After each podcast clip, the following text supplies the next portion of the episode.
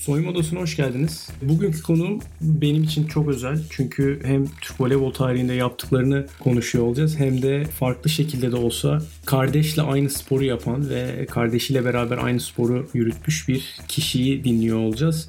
Özge ile beraberiz. Türk voleyboluna e, sayısız başarısında çok büyük katkıları olmuş. Özge ve Gözde kardeşlerin hikayesini biraz dinlemek ve bununla beraber yaptıklarını dinliyor olacağız.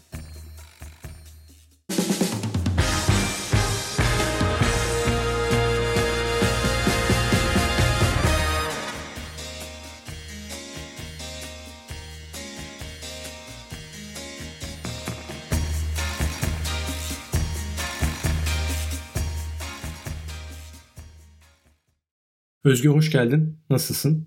Merhaba, hoş bulduk. İyiyim, teşekkürler. Sen nasılsın? Ben de iyiyim. Çok teşekkürler. Umarım her şey yolundadır. Geçtiğimiz hafta konuşmaya çalışıyorduk. Ufak sağlık problemlerini ailecek umuyorum kolayca atlatmışsınızdır. Atlattık hepsini. O yüzden her şey yolunda şimdi. Süper. Konuya esasında en son 2017'de Caner'le konuştuğumuz bir hikayeden gireceğim. Voleybola başladığınız zamanlarda Kütahya'dan İstanbul'a deneme antrenmanları için geldiğiniz ve bir kampa katılmadan birkaç gece öncesinde babanızla yaptığınız bir sohbet üzerinden girmek isteyeceğim. Burada esasında çocukluğunuzdan bugüne ailenizin sizlere aşıladıkları ve yaşayabileceklerinizi belki de öngörerek gösterdikleri özveri çok önemli diye düşünüyorum. Bu istikrarı sağlamakta onlar için en önemli etken, onların yaptığı en önemli etken sizin için ne oldu? Aslında biz 2 yıl yani o 12 ya da 11 yaşında da gelebilirdik ama babam diğer takımların tekliflerini kabul etmedi. Onda Vakıf Bank'ın bir şekilde ona özgüven verdiler. Yani işte çünkü nerede yaşayacağımız, okulumuz, tesisler.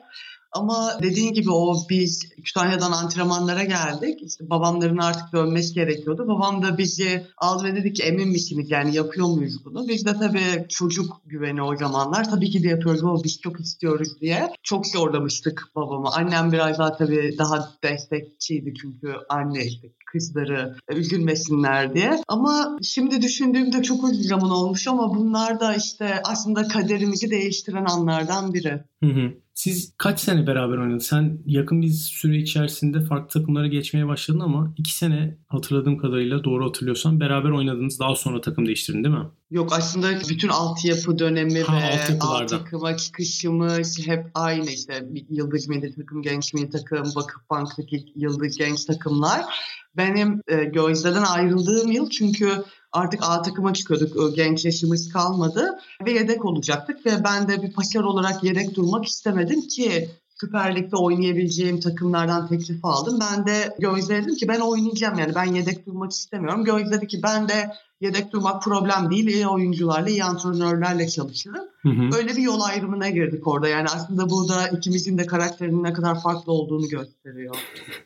Peki bu uzun süreç sonrasında ilk karşı karşıya sahaya çıktığınızdaki hislerinizi hatırlıyor musun? O zaten ilk ayrıldığımız sene oluyor. Çünkü ben Yeşilyurt'a gitmiştim oynamak evet. için. O da Vakıfbank'ta ama o yedekti. Hani o yüzden hani tam hiç olmuyor. Ama ilk böyle ikimizin de oynadığı gerçekten çok iyi kulüpte ben Eczacı başına gittiğimde o da 2013 senesi. Hı hı. O zaman tabii iki takım da Şampiyonlar Ligi şampiyonluğunu oynuyor. Türkiye Ligi şampiyonluğu yani bütün kupalara iki takım da o zaman tabii biraz da garip oluyor. Çünkü onun da kazanmasını istiyorsun. Kendin de kazanmak istiyorsun. Ailen yarıya ayrılıyor. Garip bir his ya ona karşı oynamak. Bizim ailede Babam bu konuyu farklı bir şekilde çözdü. Genelde ev sahibi kimse onu tutarak kendini rahat hissedecek bir noktaya geldi. Annem için çok da şey değildi. Annem daha çok böyle abim uzun seneler boyunca Beşiktaş'ta oynadığı için Beşiktaş'ta da olduğundan dolayı çok fazla böyle işte onu tutayım ya da bunu tutayım moduna girmiyordu ama babam özellikle ev sahibi takımını tutuyordu. Sizin tarafta böyle bir şey neydi? Var mıydı? Konuşulmuş bir konu var mıydı bunun içerisinde? Tabii farklı salonlarda oynadığınız için ev sahibi şeyiniz var ama biz Buran Felek'te oynadığımız için hep. Yo be hep annem benim tarafımı tutardı. babam Gözde'nin tarafını. Abim de daha çok Gözde'ci. Sonra işte abimin oğlu var. O daha çok bence. Öyle hani tam yarı yarıya ayrılan bir grup olmuştu. Ama tabii kim kaybediyorsa onun yanında oluyorlar daha çok. Peki skor tuttunuz mu kendi aranızda? Kim daha fazla maç kazandı diye? Bütün kariyerimizde mi karşılıklı Karşılıklı oynadığınız maçlarda. Gözde kazanmıştır. Tutmadık öyle bir şey de Gözde'nin kazandığına ben eminim. Çünkü ben Eczacı başındayken Vakıfbank'a karşı bütün maçları kaybettim.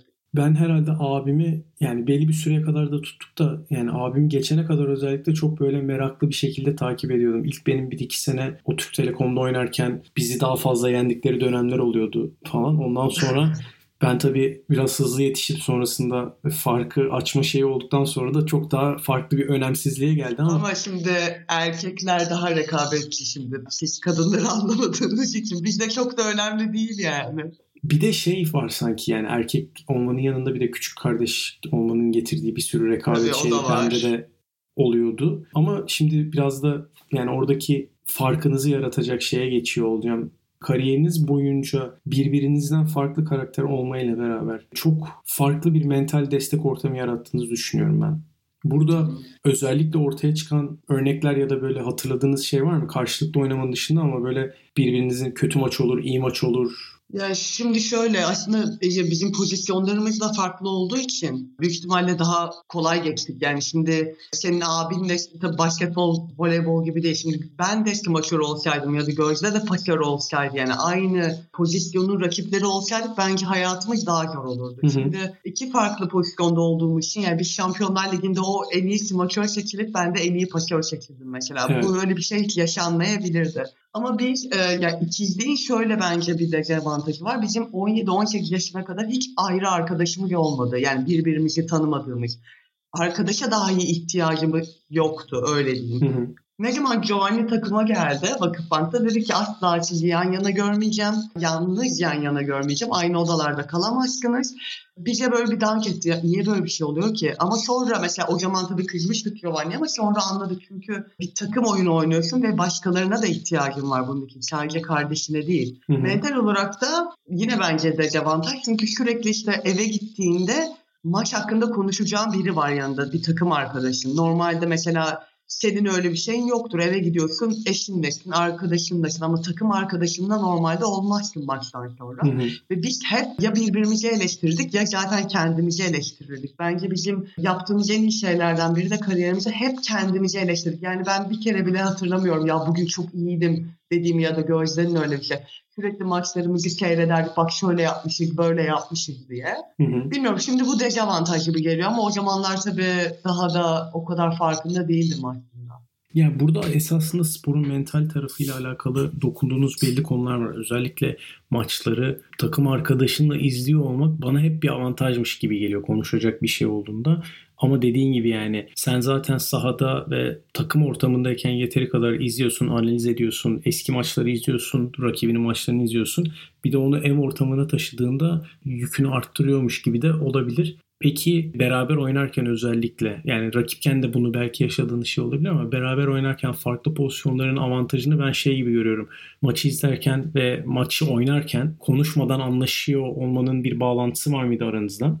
Tabii öyle bir şey var. Yani e, ne zaman onu ya sonuçta gözde power smaçörlerden biri. Hmm. Yani onu kullanacağın zaman farklı, kullanmayı bildiğin zaman farklı. Bu tabii benim pasör olarak da zamanla geliştirdiğim şey. Ama benim Gözde'ye bu pas nasıldı diye sormama gerek yok. Ya da onun bana Aa, bu manşet nasıldı biliriz yani onu zaten. Ya da onun ne istediğini ben sormadan da bilirim. Aramızda tabii ki öyle bir şey var. O vakıfta oynadığımız seneler de o yüzden de çok güzeldi zaten. İşte Gözde'nin tırmanışı, benim işte kariyerimizin aynı anda çıkışı yani beraber. Hı hı. O yüzden hani o avantajı da iyi kullandığımızı düşünüyorum aynı zamanda süper. Ya şey o bağı yaşayabiliyor olmak. Ben hep böyle abimle karşılık oynarken şey hissediyordum. Benim normalde bir tane beraber aynı formayı giyerek maçımız var profesyonel seviyede. Geri kalanında hep karşılık oynadığımız için sahaya girdiğimde giydiğimiz formalardan daha önemli biz abimle çocukluğumuzun maçlarını birebir oynadığımız zamanları hatırlıyormuş gibi hissediyordum ve her zaman özel oluyordu ve şeydi yani onun ne yapacağını tahmin ediyor olmak bazen böyle ama oyunun güzelliğini korumak adına bir şey yapmıyor olmak belki de bizdeki daha fazla karşılıklı olduğumuz şeylerde. Abimin bana çoğu zaman yardımcı olması özellikle kariyerimin başlarında o özel etkiyi ve o sporun güzelliğini beraber yaşıyor olmak bana çok özel geldi her zaman. Bunu sizde izlemiş olmak da çok keyifli. Bu hikayenin içerisinde de sizin kendi hikayeniz içerisinde de sen şeyi çok güzel anlatıyorsun. Gözde'nin artık sportif anlamda bir sporcunun bireysel anlamda ulaşabileceği en üst noktalardan bir tanesine ulaştığında yaptıklarıyla alakalı paylaşımın ve hatta Sokrates'te bununla alakalı bir yazı yazmıştın. Orada yazdıkların ilk okuduğumda da gözlerimi doldurmuştu, tüylerimi diken diken etmişti. Geçenlerde seninle konuşmadan önce hazırlanırken tekrar okudum. Aynı hisleri tekrar yaşattı. Bu birikimi yönlendirirken neler hissettiğini bir de senden böyle sesli duymamız mümkün olur mu? Ya aslında ben onu yazıyı yazarken çok komikti. Şimdi bütün aile, babamlar, kuzenler, herkes gözlerini son maçını oyun seyretmeye gittik Romanya'ya. Maç bitti sonra şampiyon oldular. Gözde MVP ödülünü aldı. Ondan sonra partiye gittik. Tabii parti biraz şey geçti. Ya gerçekten bunları yaşarken e, çok da kafam e, açık değildi aslında. Sabah ve de bunu fark etmeden yani daha kontrol etmeden atmıştım. Bayağı viral oldu bu. Mesela kendim sporu bıraktığımda ben aslında Türkiye'de voleybolu bıraktım artık. Türkiye'de voleybol oynamayacağım. Kendim için öyle bir şey yaşamıyorum mesela. Ya ben Instagram'da falan da paylaşamadım. Çünkü kendimi oraya koyamıyorum nedense ama gözde olunca işte bu bana çok soruluyor bu soru. Ya nasıl birbirinizi kıskanmıyorsunuz? Bana çok saçma mesela geliyor kız kardeşin ya da ikiz kardeşini.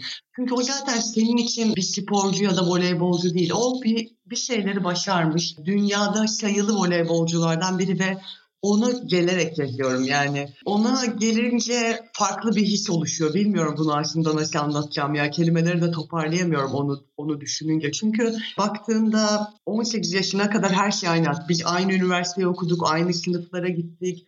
Takımlarımız aynı, her günümüz aynı geçiyordu. Gerçekten abartılı.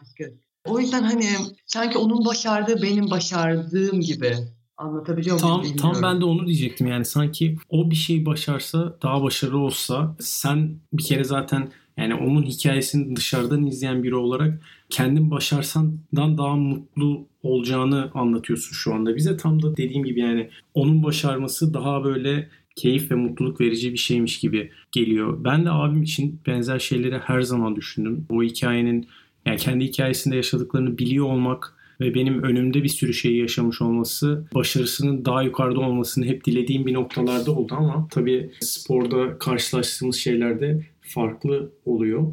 Bu kadar süreyi beraber geçirdiğiniz dönemde kavga ettiğinizde neler oluyordu? Nasıl bir süreç yaşanıyordu kendi aranızda? Aslında biz hiç kavga etmeyiz desem buna kimse gerçekten inanmıyor ama gerçekten bizim kavgalarımız yani belki iki dakika belki üç dakikadır ve çok saçma şeylerdendir.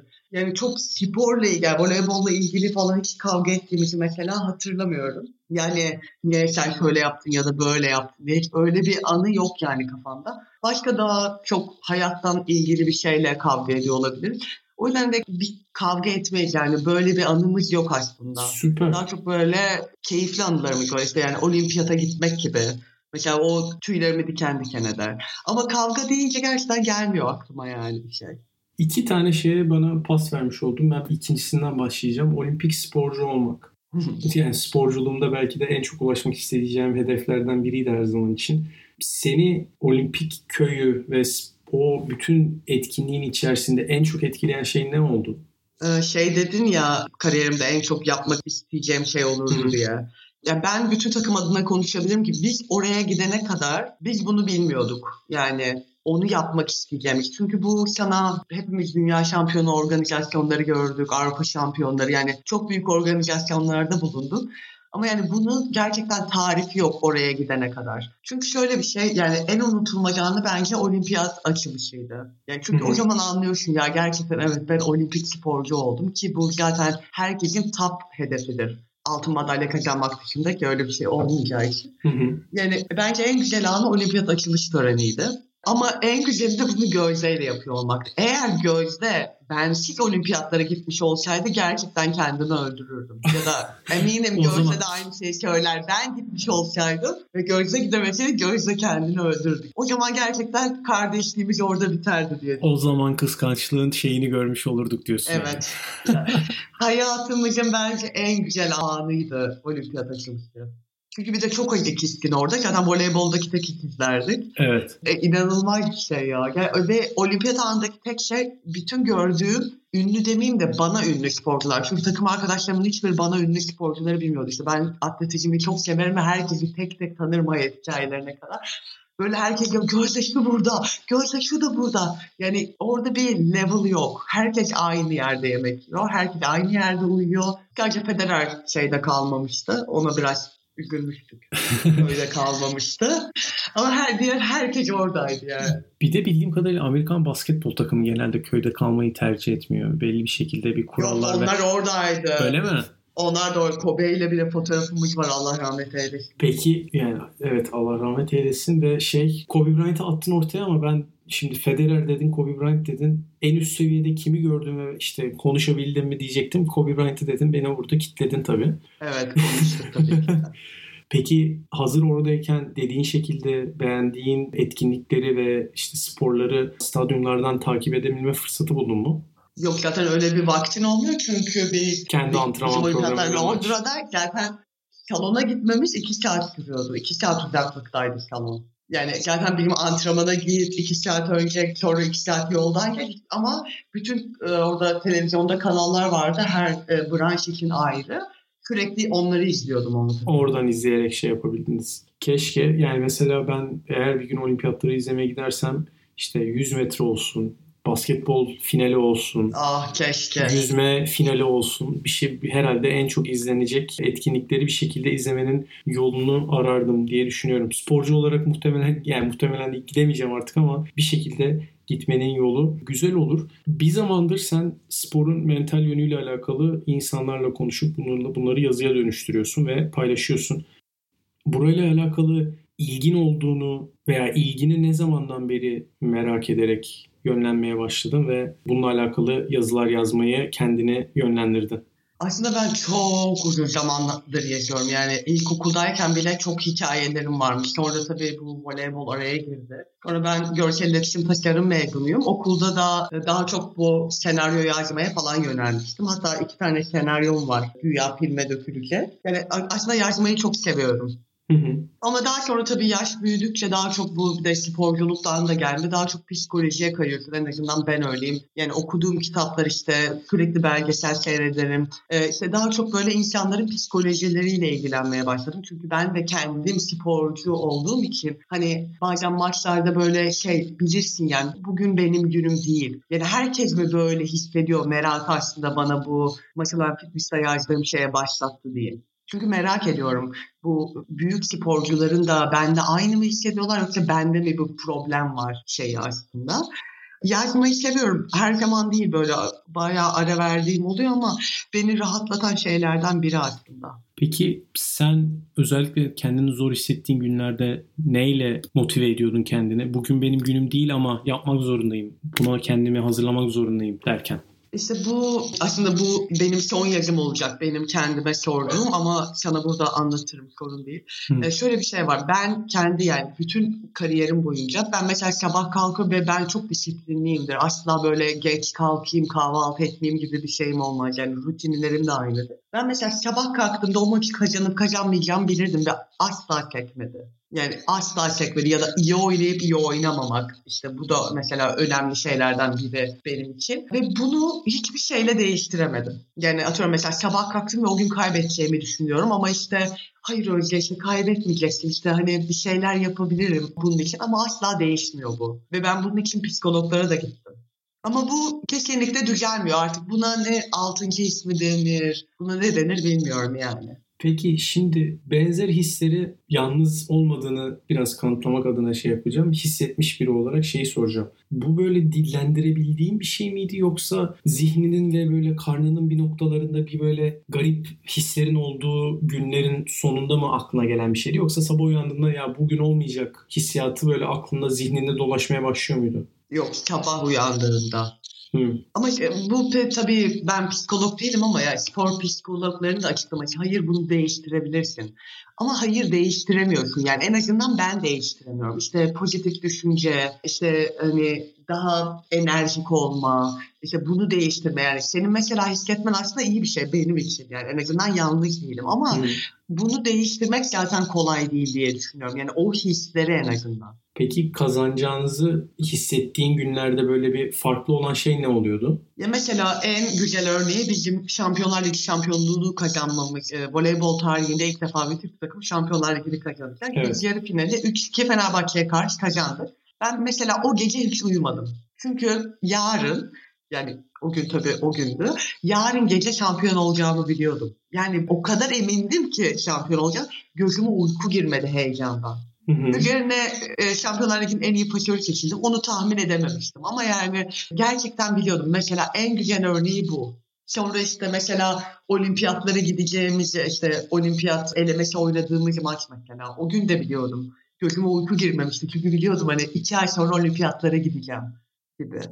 Böyle hem benzer hisleri düşünüyorum hem de işte o uykusuzluğun getirdiği şeyler onun heyecanı biraz böyle kıpır kıpırlık. Bana genelde işte dediğin o kaybetme hissi değil de yani bugün işler yolunda gitmeyecek böyle bir sanki zihnimden değil de böyle uzaktan bir yerden böyle hismiş gibi geliyor ve bu genelde böyle bir şekilde haklı çıkmanın yolunu biliyordu ya benim bireysel oyunum olarak ya da maçın sonucu olarak. Aynen.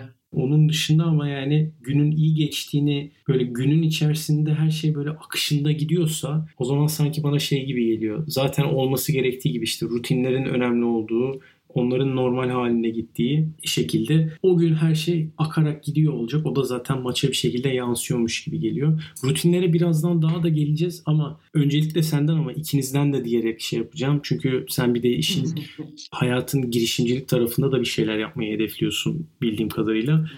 Bizi neler bekliyor sizin tarafta? Ee, biz bir yıl önce aslında bir spor markası kurduk Nightcap adında. Hem daha çok voleybol üstüne ama işte kadınların spor giyimiyle alakalı. Da bu işe atılmamızın sebebi de işte Türkiye'de gerekli ürünleri bulamamamızdı. Tam bir yıl geçti üzerinden. Ekim'de bir yıl bir ay olacak. Ya çok mutluyum böyle bir şey yaptığım için aslında. Öncelikle genç kızlara örnek olabildiğim için çünkü çok mesaj alıyorum böyle Özge abla hani nasıl böyle bir şey yaptın nasıl cesaret ediyorsun işte sporcular böyle şeyler yapmıyor işte ya ev alıyorlar ya araba alıyorlar gibi. Ama ben şöyle düşünüyorum. Yani tabii ben biraz da eşimden dolayı şanslıyım. Çünkü o bir de dizaynları o yapıyor. Bütün işi o hallediyor. Yani ben profesyonel sporcu olurken bu kadar işin de üstünden kalkamazdım o olmasaydı. Ama ben şu yüzden gurur duyuyorum Niceset'le. E, çünkü herkesin böyle bir riski alabileceğini düşünmüyorum. Yani bu iyi de olsa kötü de olsa kendimize bir şey kanıtladığımı düşünüyorum burada. Çünkü hani biz istersek bir şeyin altından kalkabiliriz ya da başarabiliriz hissi. Bence önemli. Çünkü sen de biliyorsundur kaç yıldır spor yapıyorsun. Biz sporcular maalesef kendimizi çok alanda geliştiremiyoruz. Ben bunu voleybolu ilk ara verdiğimde anladım 2016 yılında. Artık o kadar sıkılmıştım ki voleybol oynamaktan ara verdim. Hı hı. Eşimin yanına Polonya'ya taşındım. Yani o kadar her şeyi biliyorlar ki bu bilgi olarak değil. Yani atıyorum mesela kaykay yapabiliyorlar, işte buz pateni yapabiliyorlar, işte skydiving'e gidiyorlar, kayağa gidiyorlar. Bizim bunlardan haberimiz yok ama bunları biz yapamayacağımız için değil. Çünkü 10 yaşından beri profesyonel spor yapıyoruz ve bize öğretilen kesinlikle sakatlanamazsın, tehlikeli bir şey yapamazsın. Bizim hobilerimiz yani en iyi hobilerimiz kitap okumak, sinemaya gitmek ya da film seyretmek, dizi seyretmek. Ve kendim Polonya'da ben o kadar kötü hissettim ki onların yanında. Yani gerçekten 30 yaşındayım ve aslında hiçbir şey bilmiyorum. Tekrar söylüyorum hayatla ilgili değil. Bu işte hayattan zevk aldıkların, hobilerin, işte yani hiçbir şey yapmamışız çünkü yani. Çünkü profesyonel olduğu ne sana büyüyene itiyor. Tabii ki çok iyi yönleri de var ama bence çok eksik kaldığımız yönleri de var. Ve ben Voleybolu bıraktığım yıl benim hayatımın gerçekten en güzel yılıydı. Aklıma gelen her şeyi yaptım. Ve hiç sakatlanmadım. ya da hiç düşmedim. Yani hiç tehlikeli bir şey atlatmadım. O yüzden nereye geleceğim? Yani gerçekten buraya geldik ama dediğim gibi yani risk almayı seviyorum. Şimdi Netflix'te Playbook'u seyrediyorum. Orada Amerika Futbol Milli Takımının antrenörü, kadın antrenörü de diyor. Yani ben riskleri korkulan bir şey olarak görmüyorum. Ben bunu riskleri fırsat olarak görüyorum. Ve bu kötü de olabilir, iyi de olabilir ama kaybedeceğim sadece para olur aslında ve ben çok önem vermediğim için maddiyata bu bana hep kazanç gibi gelecek. Onu demek istedim. Oraya bağlayacak. Yani esasında belki de ülkemizde sportif anlamda altyapılardaki en büyük problemlerden birinden bahsediyorsun. 10 yaşından itibaren sizin kalibrenizdeki bir sporcu ki altyapılarda da milli takımlar oynadınız. Muhtemelen sen arana kadar ama yani ilk günden kariyerin bitene kadar yazları tatil bile bilmeden dediğin gibi sadece hobi hikayesini sadece kitap okumak işte ya da deplasmanlarda izlediğimiz diziler, filmler veya işte boş günümüzde gittiğimiz sinema olarak yaşadığımız dünyada biz o baloncuğun dışına hiç çıkamıyoruz sporcular olarak. Onu bulabilecek zaman bile olmuyor yani. Ben milli takımda oynadığım senelerden hatırlıyorum. 10 gün boş günüm olsa arka arkaya mutlu oluyordum. İki hafta önce Ender'le sohbet ediyoruz. Bizim Efes'te de beraber oynadığımız belli bir dönem var. 4-5 sene birlikte oynadık. Yani aynı odada hiçbir zaman kalmadık ama gerçekten 365 gün, 350 günü minimum beraber geçiyordu günümüz. Bir şekilde birbirimizi görüyorduk. Eşimizi, dostumuzu, ailemizi bu kadar sık görmüyorduk yani. Altyapılarda bunun bu şekilde yoğun oluyor olması bana eninde sonunda o işte tükenmişliğe iten bir şeymiş gibi geliyor. Sanki yaşamışsın onun bir kısmını. Öyle. Ki ben ara verdiğimde benim kontratım vardı. Ay şey diyecektim işte muhtemelen bir de sen yani kendine o özgürlüğü sağlayacak özgüveni bulmuşsun. Bir şekilde bir şeye güvenmişsin ve ben ben buna ara vereceğim. Ben yapamıyorum artık demişsin kaç tane sporcu düşünemiyorum bile. Ben bile gün içerisinde, sezon içerisinde belirli o tükenmişlik seviyesindeki yukarıyı yaşadığım anları hissediyorum. Peki denediklerin o bir senelik ara içerisinde denediklerin arasında en çok böyle sana keyif veren şey ne oldu? Her şey keyif vermiş belli ama hani böyle kesinlikle yapmalıyım, tekrar etmeliyim, hala yapıyorum dediğin şey ne oldu? Ya benim bir eşim de Letonya vatandaşı, soğuk ülke vatandaşı. Şimdi mesela bugün dolu yağdı ya mesela. Hı hı. Bahçeye çıktı öyle özlüyor soğuk havayı. Neyse o işte soğuk hava tabii Polonya'da yaşadığım için hava çok soğuktu. Göller de donduğu için dedi ki gidelim e, buz pateni alalım. İyi tamam ama ben dedim nasıl yapacağım olmak işte saçmalama hiç öyle bir şey yapmadım. Dedi bir şey olmak öğreniriz.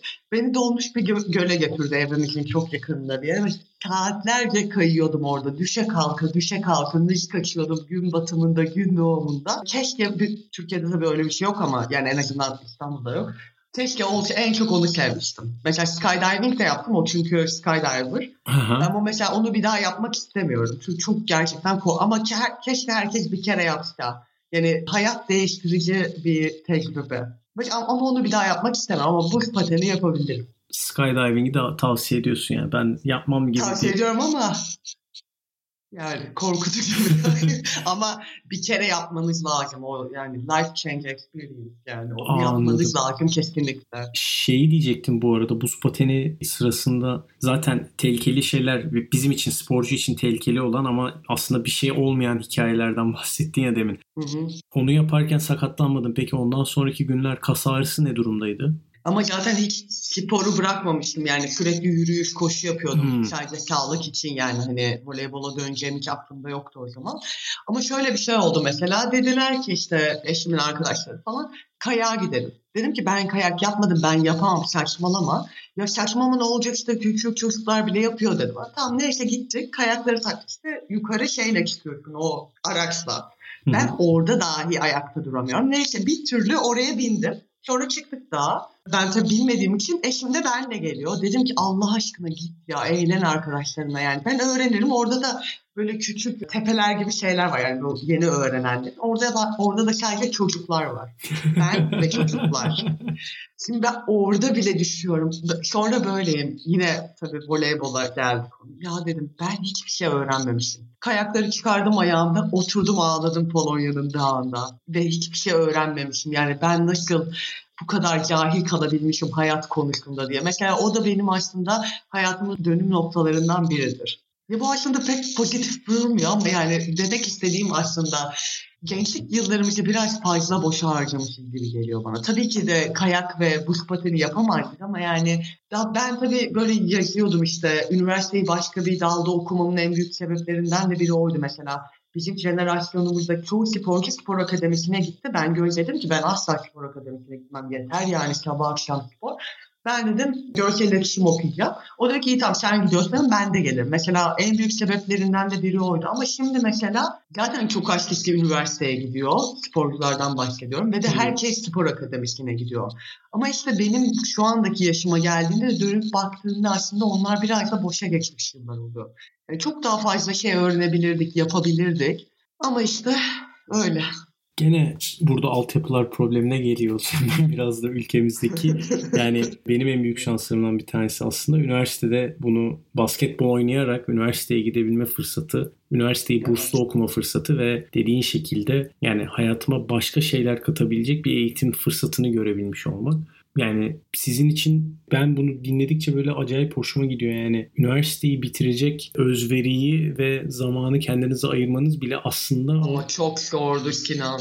tahmin ediyorum. Gerçekten Abim 10 zordu. senede bitirdi üniversiteyi. Oradan biliyorum. Yok benim annem bize dedi ki, dedim annem hep destek oldu ama annemin bize tek şartı var daha Kütahya'da söyledi. Üniversiteyi bitireceksiniz dedi. Eğer dedi bitirmezseniz kesinlikle dönersiniz buraya ya da işte üniversiteye gideceksiniz. Bizim zaten biz aslında çalışkan öğrencilerdik. Hani öyle bir şeyimiz de yoktu ama sabah 5'te A takım antrenörüyle antrenman yapıp okula gidiyorduk, geliyorduk. Genç takım antrenmanı sonra A takım antrenmanına giriyorduk. Çok fantastik. Ee, anneniz başınıza kakıyor muydu? Hadi üniversiteye girmeden, hadi olmadı, etmedi. Bununla Yok, alakalı zaten hemen kazandık. hemen kazandınız. Hiç uzatmadan. Ha, Yani öyle öyle bir şey olma fırsatı vermediler anneme. Hemen zaten Süper. kazandık. Hani öyle bir şey olmadı. Şeyi de tahmin ediyorum. Şu anda böyle yani bir sporcular olarak gezme fırsatı bulup sadece otel yorumlayacak şekilde gezen tipleriz gibi geliyor bana hep. Onu hep düşünüyorum. TripAdvisor'a çok güzel yardım ederiz gibi geliyor. Arayı verdiğinde veya işte spor biraz daha yavaşlamaya başladığında gitmek istediğin yerlere gitme fırsatı buldun mu? Ya da nereye gitmek isterdin de gidebildin bu sene, o boş sene içerisinde? Ha, bu sene deyince bu sene zaten boşa gitti. Ha, evet. Neyse ben aslında 10 yıldır seyahat ediyorum. Hem kendi başıma hem Gözde'yle hem de eşimle. Hı hı. Ee, mesela ilk seyahatim benim İzlanda'yadır. Tek başıma. Olimpiyatlardan sonraydı galiba. Hı hı. Mesela İzlanda'ya gittim tek başıma. Şu anda mesela keşke olsa keşke tekrar gideceğim ve keşke çoğu seyahatimi yalnız yapsaymışım. Bazı insanlara mesela yalnızlık korkutucu gelir ama bence gerçekten güzel bir şey. Hele seyahat ediyor olmak. Sonra Gözde'yle mesela her yıl bu sene yapamadık ama kış kıca tatilimiz vardır. Sonra Mavi doğduktan sonra Mavi de bize katılıyor artık. Öyle Süper. kış kıca tatillerimiz var.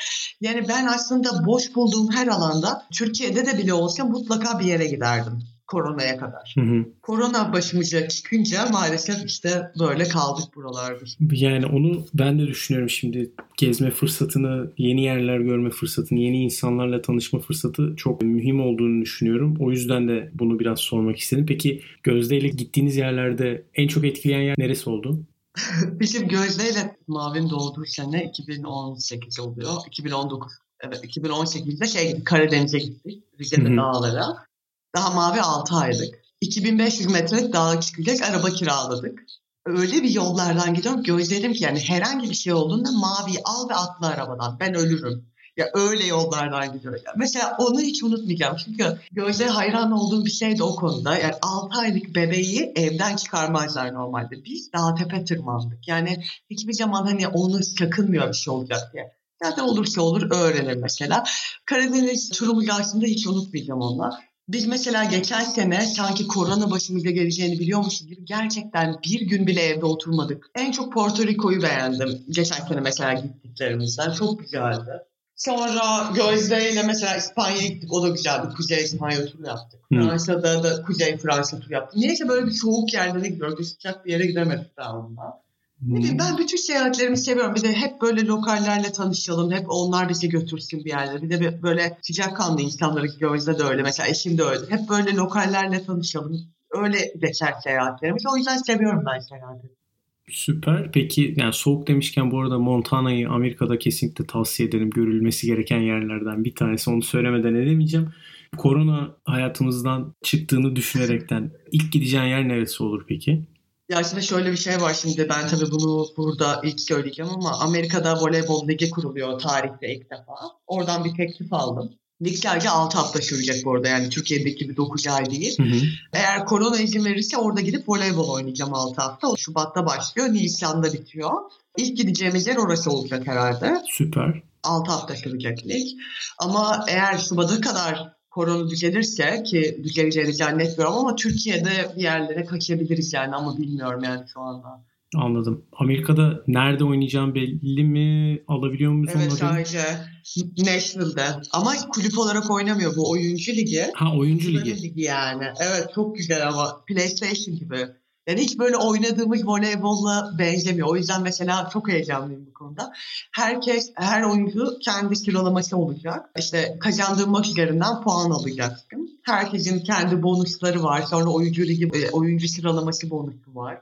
Kalacağın yer işte yemeğin her şeyin karşısında. Böyle çok güzel bir tecrübe olacağını düşünüyorum benim için. Süpermiş. Bunu heyecanla bekliyor olacağız. Umarım dilediğin şekilde gidip bunu tecrübe etme fırsatı yakalarsın. Dilerim. Gidebilirsek biliyorum evet. Bu noktada ben biraz programın standart sorularına doğru kaymaya başlayacağım. Hikayede özellikle rutini konuşmaya başlayacağımız sorular geliyor olacak. İlki de tamam. bütün sporculara sorduğum bir tane şarkı. Yani motivasyonunu yukarı çeken ya da seni sporun akışına doğru yardımcı olan, konsantre olmana yardımcı olan bir tane şarkı veya böyle hep böyle aklında olan maçlardan önce dinlediğin bir şarkı var mı? Sana etki etmiş. Ya aslında hiç öyle bir şarkım yok ama yani maçlara giderken de hani beni motive ettiği için değil ama çok sevdiğim için zaten öyle bir enerjik bir şarkı da değildir. Rem'in Losing My Religion mesela çok severim o şarkıyı. Özel bir sebebi var mı bunun şeyin içerisinde? Yok. Sadece melodisi hoşuma gidiyor. O yüzden.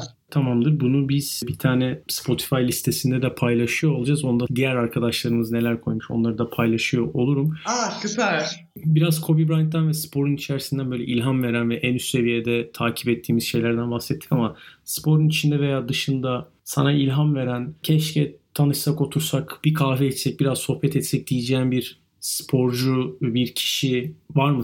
Şimdi daha senle konuşmaya başlamadan önce işte Playbook'ta Hoca Mourinho'nun bölümündeydim. Kesinlikle onunla tanışmak isterdim.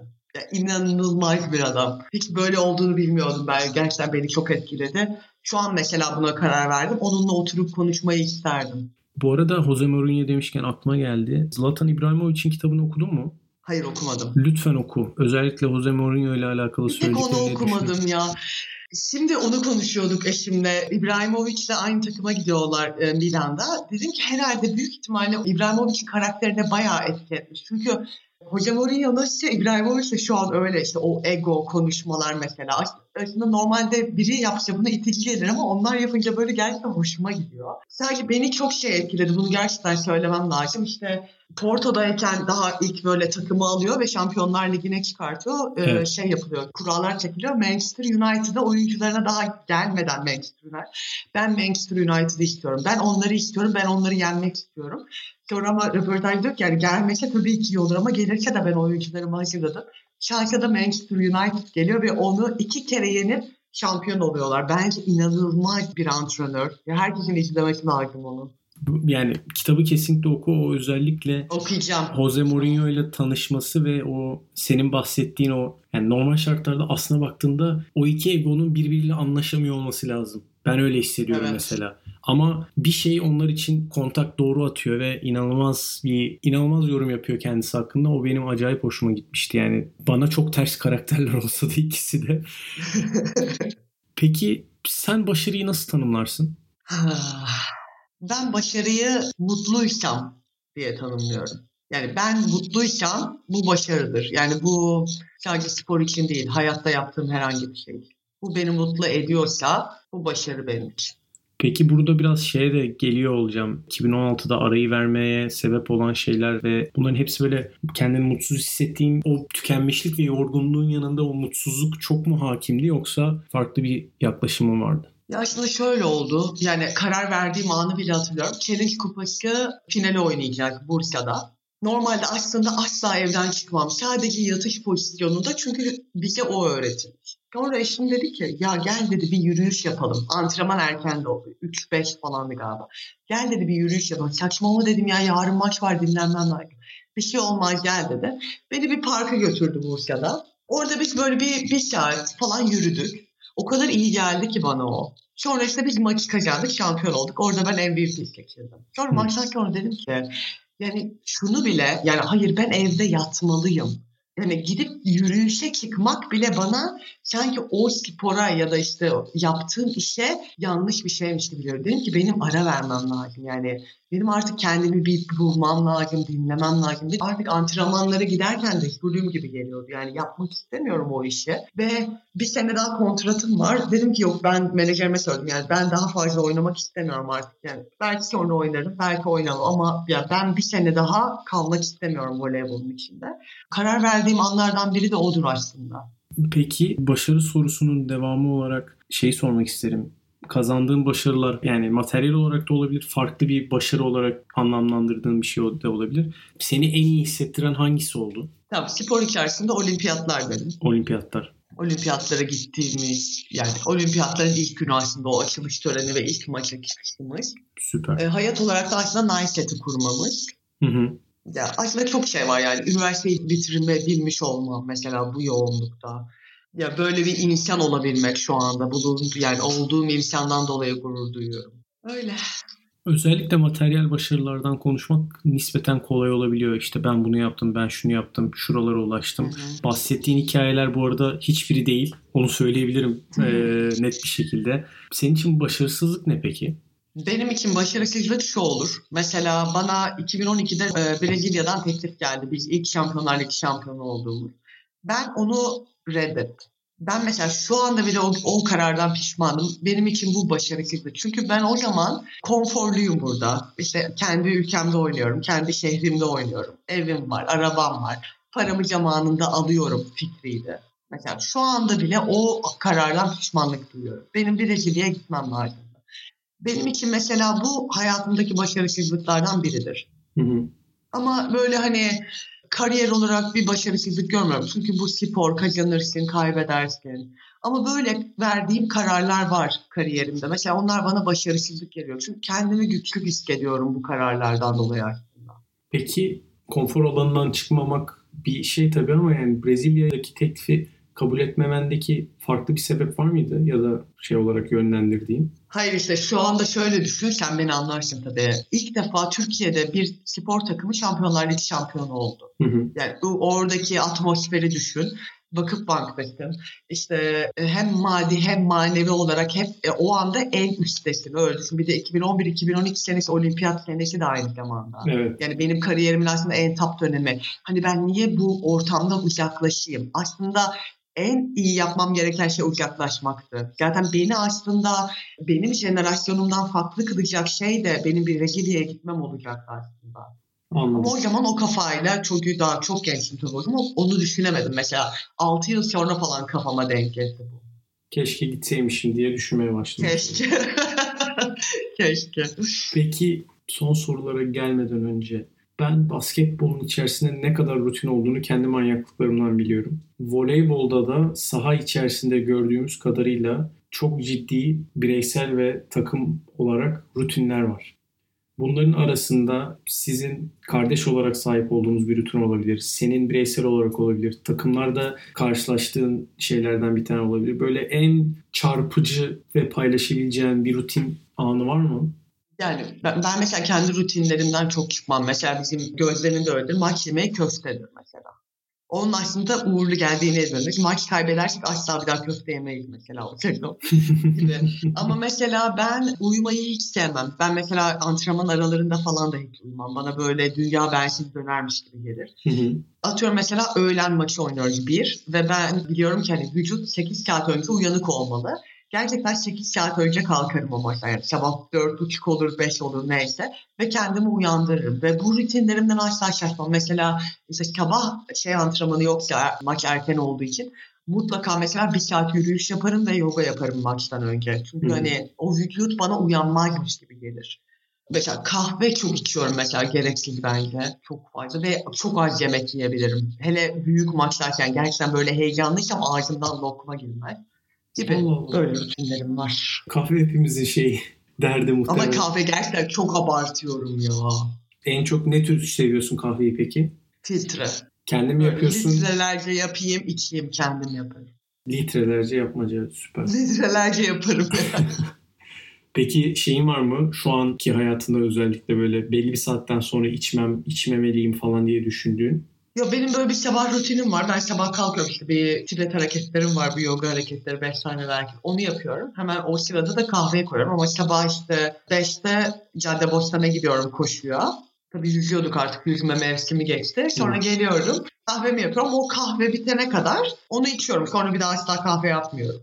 İşte o da bitti. 1-2 gibi falan bitiyor. Sonra bir daha kahve yok mesela. Direkt artık 2 litre su içmeye başlıyorum. Çünkü o zaten kahve bütün suyu aldığı için vücuttan. Öyle bir rutinim var şu anda. Şu an bambaşka bir yere gitti benim kafa şey olarak. Soruları sonlamaya çalışırken böyle sabah 5'te uyanıyorum diye düşünerekten. Ne zamandan beri sabah 5'te uyanmayı ve hareket etmeyi kendine rutin olarak sokmayı becerdin? Çünkü ben ben mesela evet, şu an şey biliyorum. düşünüyorum. Ben şu an şeyi düşünüyorum öyle. Benim vücut bir şekilde alışmış. Gerçekten 9'dan önce kendine uyandırmıyor. Ne yaparsam yapayım yani. Hmm. Kızım kızım tepemde kafama oturuyor bile olsa hiçbir şey fark etmiyor yani. O 9'a kadar bir şekilde uyumaya devam edebiliyorum. Ama e, sen uykuyu seviyorsun. Ben uyumayı sevmiyorum zaten. Ya işte normal şartlarda ya bana şey gibi geliyor. Uykuyu seven insan böyle 11-12'ye kadar uyumayı beceren gibi geliyor. Ben hiç öyle olmadım ama. Ha, tamam o zaman sen orta mesafe uyku Aa, seversin. mesela. Ben mesela hiç sevmiyorum. Şimdi ben mesela her gün sabah saatim 4.50'ye kuruluyordur sabah. En yakın arkadaşımla gidiyoruz biz. Yürüyüş koşuyor. Onun 8'de işbaşı yapması gerekiyor. O yüzden erken yapıyoruz. Yani normalde aslında biraz daha geç gidebilirim ama Hmm. o saatte gidince de kapkaranlık oluyor. Hiç kimse olmuyor. O kadar sakin ve huzurlu oluyor ki orası. O yüzden mesela artık çok seviyorum. Mesela çok zor kalkıyorum bazı günler. Ya Özge gitmesem mi? Sonra hayır diyorum gidecektin. Hemen diş fırçala su iç gidiyorum. Dönüşte böyle bir enerji yok. Yani yemek yapıyorum, evi temizliyorum, bütün işlerimi hallediyorum. Tamam. Beşten sonra tamamen bitiyorum. Ama işte o gün mesela bana çok güzel geliyor. Hmm. Peki akşamları kaçta yatıyorsun? Dokuz buçuk oldu. Okey tamam. Şimdi biraz daha Yok yok. Dokuz buçuk on değil abart. Ya bizim evde bir tane hamak var. Ben orada kuruluyorum normalde işte. Televizyon izliyorken ya da şey yapar. Hı. Mesela o hamak sallanıyor ya ben böyle on buçuk on bir gibi diyorum ki ben yakında gidiyorum yani. Hmm. Ya o çok erken de yatmıyorum, çok geç de yatmıyorum. Yani arada bir güzel kurdum kendime. Süpermiş. Özge çok teşekkür ediyorum bu güzel sohbet için. Hem hikayelerinizi dinlemek ve o hikayelerin içerisinde olabilecek hikayeleri tahmin etmek esasında güzel oldu. Hem de yani sporun arka planında hem bireysel olarak hem kardeşinle beraber yaptıklarınız, düşündükleriniz ve geleceğe dair planlarınızı dinlemek benim için ayrı bir keyif verdi. O yüzden çok teşekkür ediyorum. Ben teşekkür ediyorum, çok güzeldi. Ağzına sağlık. Bir sonraki Soyunma Odası programında yeniden görüşmek üzere.